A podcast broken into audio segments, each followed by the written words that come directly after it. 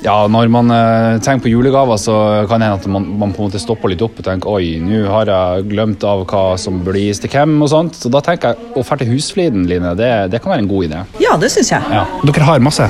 Ja, Veldig mye fint.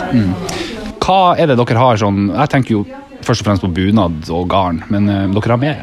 Å ja, vi har masse forskjellig. Både når det gjelder pynteting, bruksting, eh, luer, votter, skjerf. Mye forskjellig fint. Ja. Hvis jeg skulle kjøpt en, eh, en julegave til, til faren min, hva, hva ville du anbefalt da? Ja, vi har skjerf f.eks. Med refleks i, som kan være kjekt. Luer med det samme. Eller så har vi jo kjempefine pledd, som er eh, både store pledd og de litt mindre, som er fine å ha ved fanget når du sitter i godstolen.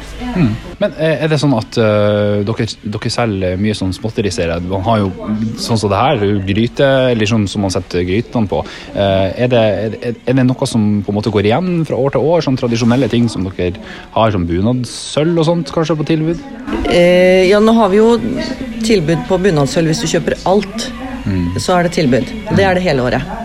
Men nå før jul så er det ikke noe mer enn det. Er ikke noe mer enn det. Nei. Nei. Men gavekort, har dere det? Det har vi, vet du. Og det kan du bestemme sjøl.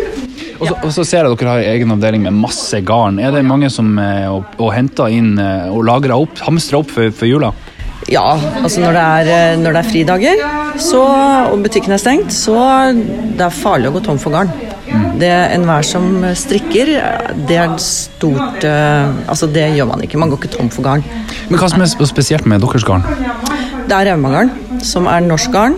Eh, rein ull, eller en blanding av ull og alpakka. Og sånn som finull har jo godt over 100 forskjellige farger.